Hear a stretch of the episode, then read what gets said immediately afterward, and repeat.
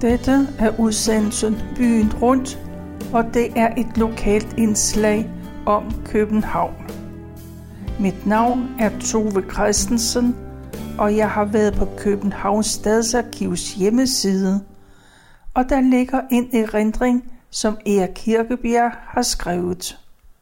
Han er født i 1922, og han begynder sin erindring med at fortælle om sin tid som malerlærling.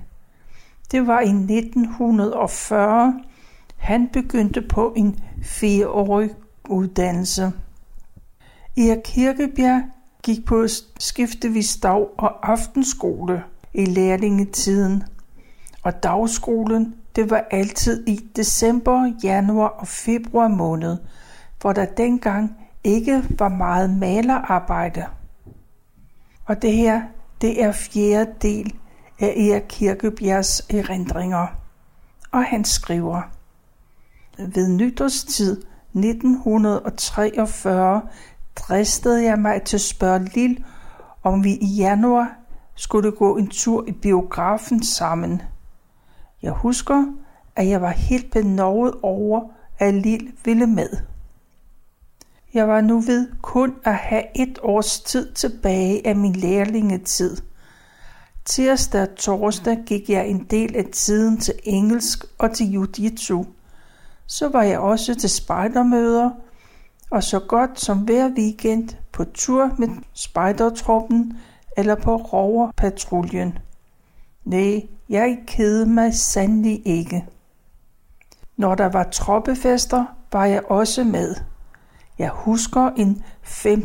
Østerbro spejdertroppefest, som blev afholdt i borgernes hus. Den aften blev der blæst luftalarm. Vi fortsatte festen uden at lade os anfægte. Jeg dansede hele aften med en blå pigespejder, som hed Vibygge. Men hendes kælenavn, det var Pelle. Og så er der et lidt mørkt kapitel i min læretid. Pelle og jeg gik i samme skole. I sin tid havde der været en plankeværk, som adskilte piger og drengegården.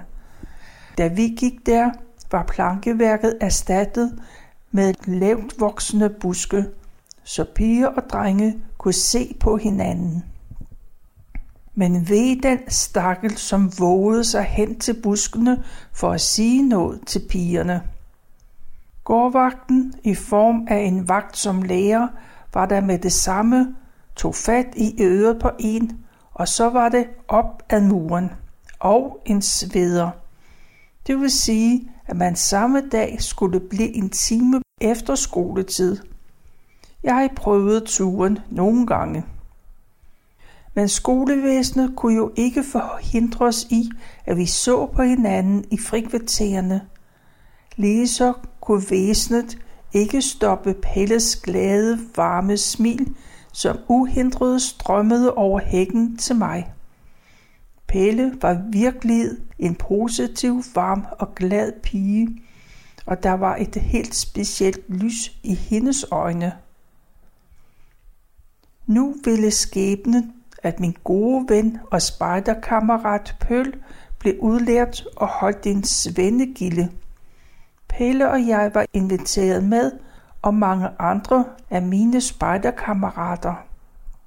Lil havde jeg ikke set noget til siden vores biograftur. Hun var også med. Og jeg må indrømme, at jeg aften igennem var ret optaget af Lil. Der kom luftalarm, og da alarmen blev afblæst, ville Pelle hjem. Jeg fulgte Pelle hjem gennem nattestille gader. Vi sagde ikke noget til hinanden, gik blot som et par mekaniske dukker. Ved Pelles gadedør så hun på mig. Det ellers så dejlige lys i hendes øjne var slukket. De viste hverken vrede eller foragt, men derimod bedrøvelse. Hun sagde, lev vel, Erik, farvel, og så løb Helle op ad trapperne. Jeg følte mig som den usløste maling på denne jord, da jeg gik hjem. Mine tanker var dystre. Pelle og jeg havde aldrig lovet hinanden noget, men hun var alt for fin en pige til at blive behandlet sådan. Men måske, tænkte jeg, Pelle kender sikkert andre fyre end mig, så jeg kommer sikkert hurtigt i glemmebogen.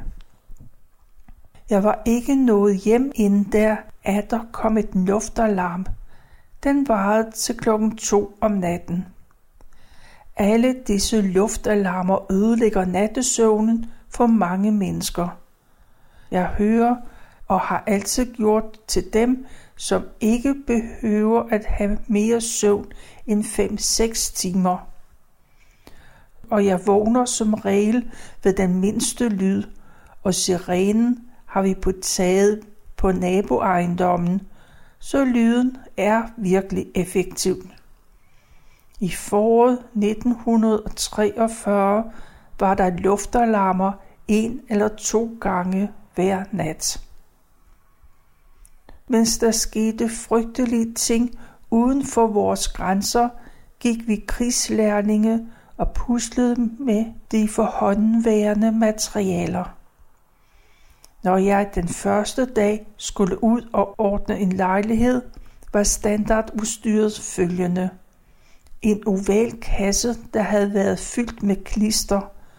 Kassen blev fyldt med kridt, hvor i jeg anbragte en dåse med gips og en dåse med lim. Til lofter med nikotin havde jeg brun sæbe med, og tørfarver som okker, italiensk rødt og grønt og andre farver hørte også med, så vi eventuelt kunne tone lofterne.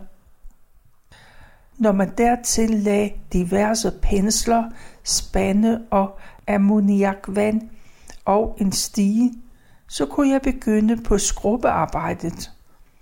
Jeg vidste med sikkerhed, at mester ville komme enten den dag, man begyndte, eller næste dag. Således vidste jeg, at han, når han kom, ville snuppe en af mine spartler og gå over et af hjørnerne i stuen, hvor tapetet ofte ikke sidder alt for godt fast. Her hævde han så nemt noget tapet af, og så sagde han, Nå, det sidder jo ikke fast, det kan du hurtigt få af. Efter nogle yderligere bemærkninger, så gik han. Når man så nåede til tapetafrensning, så viste det sig som oftest, at det sad godt fast, så man måtte bruge en masse tid. Når mester så kom nogle dage efter, og han så resultatet af ens anstrengelser, så udbrød han ærgerligt. Åh, har du ikke lavet noget? Går du her og danderer den? Jeg blev aldrig rigtig klog på, om han troede på mine forklaringer. Men jeg lovede mig selv, at hvis jeg nogensinde fik en lærling, så ville jeg aldrig bære mig ad på den måde over for dem. Noget af det mest afskyelige arbejde, jeg vidste, det var kakkelovnsplader. Det kunne være et virkelig ondt arbejde at ordne sådan en plads. I stuens mørkeste krog stod ovnen og stirrede på en. Som oftest var den nypudset og skinnende i alt sin fede sorte glans. Bare kom an, synes den at sige. Men ved dig, hvis du sviner mig til. Fru Hansen har lige pusset mig.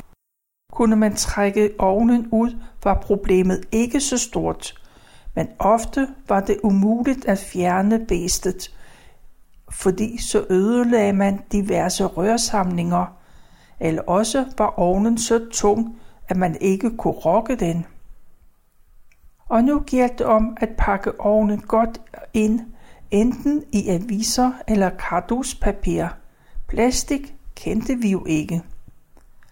Når man havde fået ovnen solidt ambelleret, begyndte arbejdet med at få vasket den gamle limfarve af.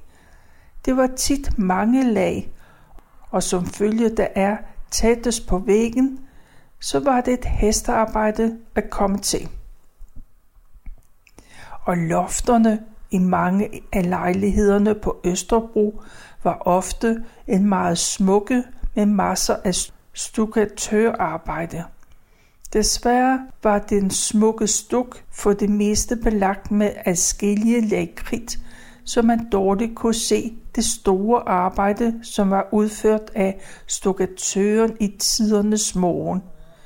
Det vil sige omkring sidste halvdel af 1800-tallet og de første 20-25 år af 1900-tallet. Det hente, men ak, alt for sjældent, at jeg fik lov til at rense stuk, gesims og rosetter fri for gammelt kridt. Det var et kæmpe arbejde, men nej, hvor blev det flot. Det var virkelig en nydelse at se. Pludselig kunne man se tandsnit, engle, duer, vindruer og blomster og meget andet. Hvad træværk angår, så blev det altid efter afvaskning, så blev det slebstrøget med pimsten. Jeg kan ikke mindes, hvornår jeg sidst har gjort det, men det var en fin behandling.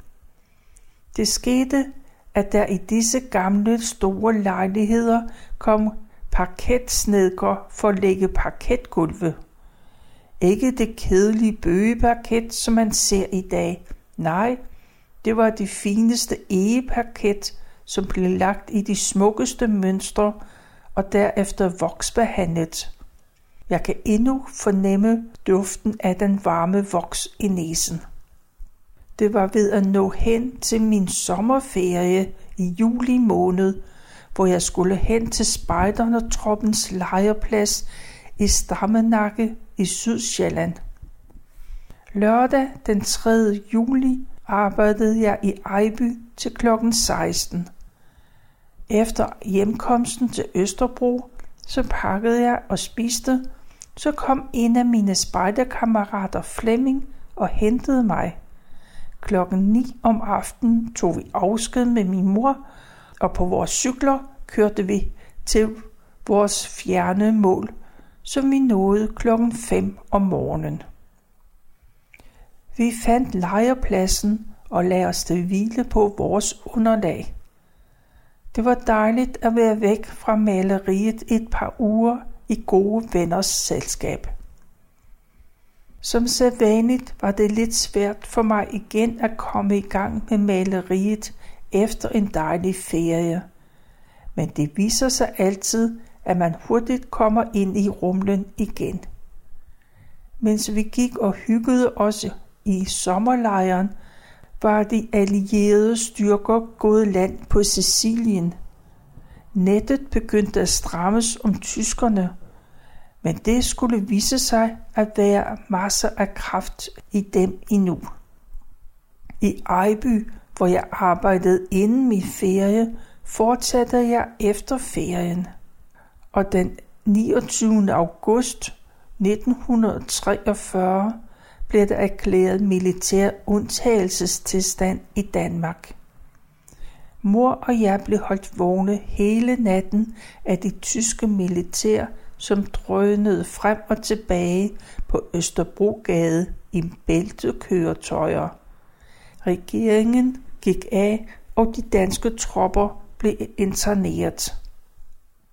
Efter at arbejde længe i den friske luft ude i Ejby, var det noget af en omvæltning at komme ind og arbejde i byen igen. For at gøre det hele godt, måtte vi ikke være ude længere end til klokken 20. Og først klokken 5 om morgenen måtte vi ses på gaden igen. Det betød, at vi spejdere, når vi holdt møder, måtte overnatte i de hjem, hvor vi holdt møderne – men det var på en vis måde meget hyggeligt. Som krigslærling skete der det, at man kom ud for små dyr, som heldigvis ikke er så almindelige i vore dage. Jeg mindes, når vi kom ud i lejligheder, fraflyttede lejligheder, så kunne der være mildest talt svinsk. Det første vi gjorde, det var at trække nogle af de løse tapet ned. Ofte hentede det, at væggen bag tapetet viste sig at være levende, i det der kravlede i tusindvis af små dyr. Det var væggelus. Et hul på størrelse med en knytnæve kunne der være utrolige mængder af de lus. Vi kom meget hurtigt ud af sådan en lejlighed og viste os ikke igen, for der var blevet desinficeret. En gang arbejdede jeg i en ejendom på hjørnet af Amerikavej og Tøndergade på Vesterbro. Jeg havde fået til opgave at male alle hovedtrappedørene og butiksvinduerne. Det tog mig nogen tid, fordi jeg skulle brænde den gamle maling af. Det foregik jo ikke som i dag med gas eller el. Nej, man stod med en tung blæselampe fyldt med petroleum. Ofte kom der skidt i dyssehovedet, så flammen gik ud. Så gjaldt det om at få fat i en rensenål i en fart, og så en tændstik. Hvis man var hurtigt, fik man ild på lampen og kunne fortsætte brændingen. Men jeg er ved at fjerne mig fra de små dyr. Så at sige næsten hver dag jeg kom hjem, havde jeg en eller to lopper på mig. Om aftenen, når jeg kom hjem, fik jeg fanget og druknet den eller dem, så jeg var loppefri næste morgen. Der lå et børstebinderi, og jeg opdagede, at det var særligt slemt, når jeg arbejdede der. De, som har prøvet at have lopper på sig, ved, hvor ubehageligt det er. Men der var i øvrigt masser af utøj under krigen. Nu jeg er inde på smådyr, skal jeg engang kalde bageri i Nordre Frihavnsgade. Det foregik om aftenen og først på natten, inden bagerne startede deres gavnlige gerning. Når man ankom til sådan et bageri og tændte lyset, var det som om alt var levende nogle få øjeblikke. Det var alle kakelakkerne, som lynhurtigt flygtede væk fra det skarpe lys og ind i det beskyttende mørke i sprækker og huller. De store rør og faldstammer var særligt levende. Med lynets hast forsvandt billerne gennem revner oppe ved loftet. Derfra søgte de op i de andre etager, hvor beboerne havde stor fornøjelse af den. Det skete også, at en lille mus forskrækket pilede hen over gulvet. Når jeg arbejdede i bageriet, mistede jeg altid lysten til vinerbrød. En gang i Sensgade var jeg ude for noget større dyr. Jeg arbejdede hos en enlig dame, som havde en stor sort hund. Det var en kryds imellem en chefer og en dobbermand. Hunden var venligheden selv, indtil damen fandt på, at hun skulle en tur i ismejeriet. Hun sagde, jeg lænker ham lige her, så han ikke føjter for meget omkring og forstyrrer dig. Og som sagt, så gjort. Den firebenede blev lænket til en krog i gulvet, og damen gik. Men holdt der helt ferie. Næppe var damen gået, før den ellers så venlige hund blev stiktosset. Den snærede og knurrede, blottede sine flotte tænder og rykkede i længden, i det den sprang hen imod mig. Jeg var nærmest trængt op i en krog, i det jeg simpelthen ikke turde at gå forbi uhyret. Jeg satte mig op på den øverste trin af min sekstrins stige, og jeg betragtede med bange anelser det store dyr nede på gulvet. Jeg funderede over, i hvilket led en kæde var stærkest, og nåede frem til, at det faktisk måtte være det svageste led, som bestemte styrken. Jeg betragtede krogen i gulvet. Den lå til at være solid nok. Men det virkede som om, at bæstet formåede at trække hele gulvplanken op. Kom den dame dog ikke snart. Hun stod vel og skvadrede ned i mejeriet om, hvor frygteligt det var at have en maler. Endelig, langt om længe, hørte jeg, nøglen blev sat i entrédøren, og damen trådte ind. Det før så arge uhyre var nu føjelig som et lam. Har han været sød, spurgte hun, og jeg svarede, at det var så som så, og at hun, hvis hun gik igen, så måtte hun enten tage hunden med, eller også mig. Fy skamme dig, min lille basse, sådan at gøre maleren bange, sagde damen. De følgende gange, hvor fruen gik, mens jeg arbejdede der, så tog hun hunden med, så jeg slap for flere nervepirrende situationer. Under hele besættelsen var mange af Danmarks jøder flygtet til Sverige. Af frygt for at havne i tyske koncentrationslejre. Det var først efter krigen, at det gik op for os, ja, for hele verden, hvordan tyske SS-folk havde dræbt tusindvis af kvinder, mænd og børn i gaskammerne. Vort politi havde fået en fornyelse. Unge mænd var udtaget til polititjeneste, og de blev uddannet i en villa i Rosenvængens hovedgade. Og de blev iklædt blå i uniformer og skråhuer, og deres bevæbning bestod af gummiknibbel. På gadepatrulje fulgte sådan en ung mand altid med en erfaren betjent. Og det danske folkevid døbte hurtigt det unge menneske til at hedde et føl. Så vidt jeg husker, arbejdede jeg på den tid i en dejlig lejlighed på Sankt Anne Plads. Jeg gik der med en meget dygtig svend, som et helt år havde været selvstændig i Køge.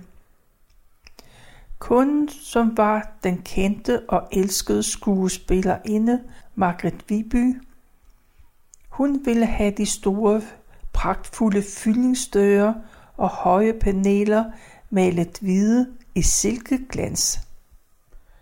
Dengang var det ikke så nemt som i dag, hvor man kan købe hvid maling i enten højglans, halvmat, trekvartmat eller helmat. Nej, man slæbstrøg træværket med pimpsten efter en omhyggelig afvaskning.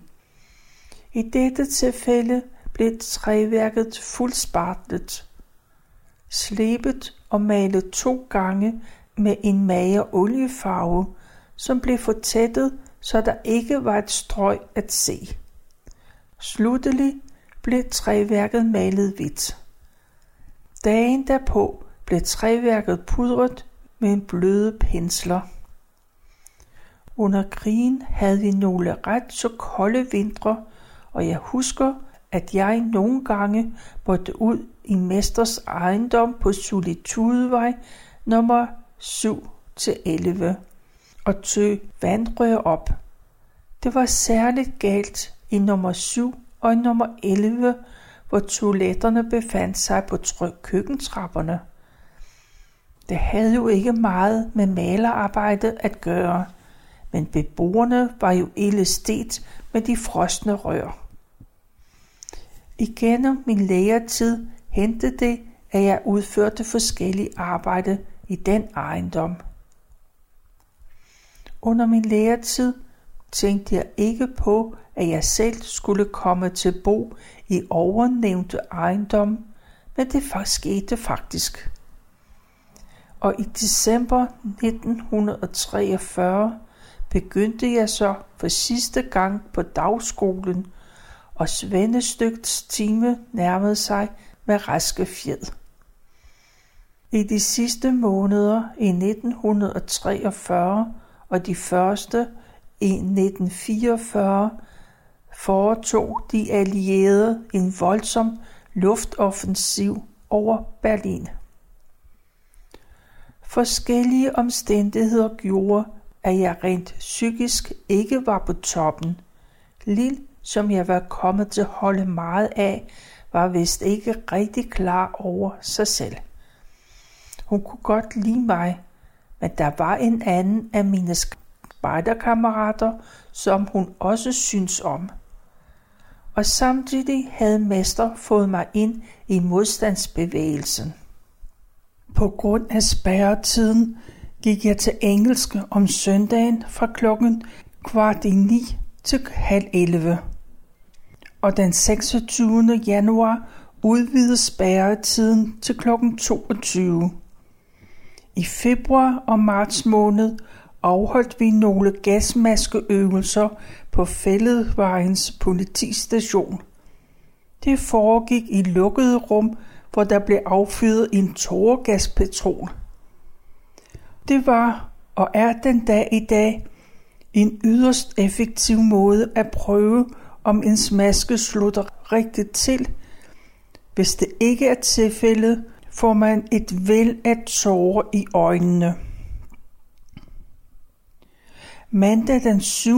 februar var jeg til møde med mester på værkstedet. Der blev det besluttet, at jeg skulle lave svendestykke på skolen. Man var begyndt at lave svendestykke ud i byen i et værelse, men da jeg på grund af min manglende færdighed i tapetopsætning ikke rigtig turde binde an med tapetseringens kunst, så valgte jeg skolen.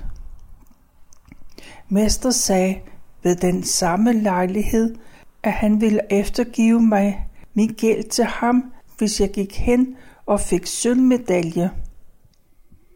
Jeg mente nu ikke, at der var større chance for, at han skulle miste sin udstående til mig, som beløb til 600 kroner.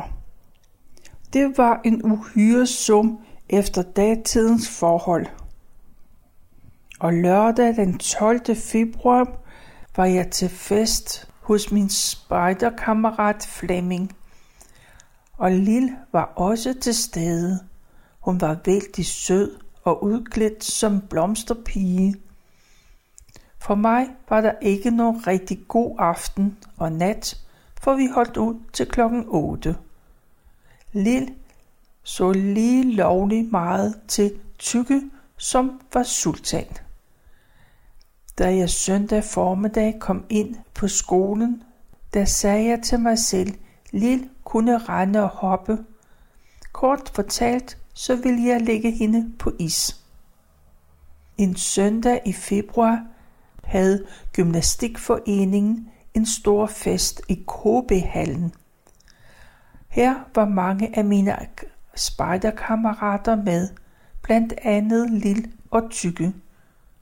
Jeg ignorerede Lil efter bedste evne, og jeg anede, at Lil ikke brød sig om det. Både hun og Tykke så ret så misfornøjet ud. Et par dage efter ringede Lil om aftenen, der mødtes vi ved Vesterbro station. Og her kan jeg sige, at grunden til vores samliv blev etableret. Og det var så langt jeg nåede med fjerde del af Erik Kirkebjergs erindringer. Du kan læse dem på Københavns Stadsarkivs hjemmeside, og den hedder kbharkiv.dk.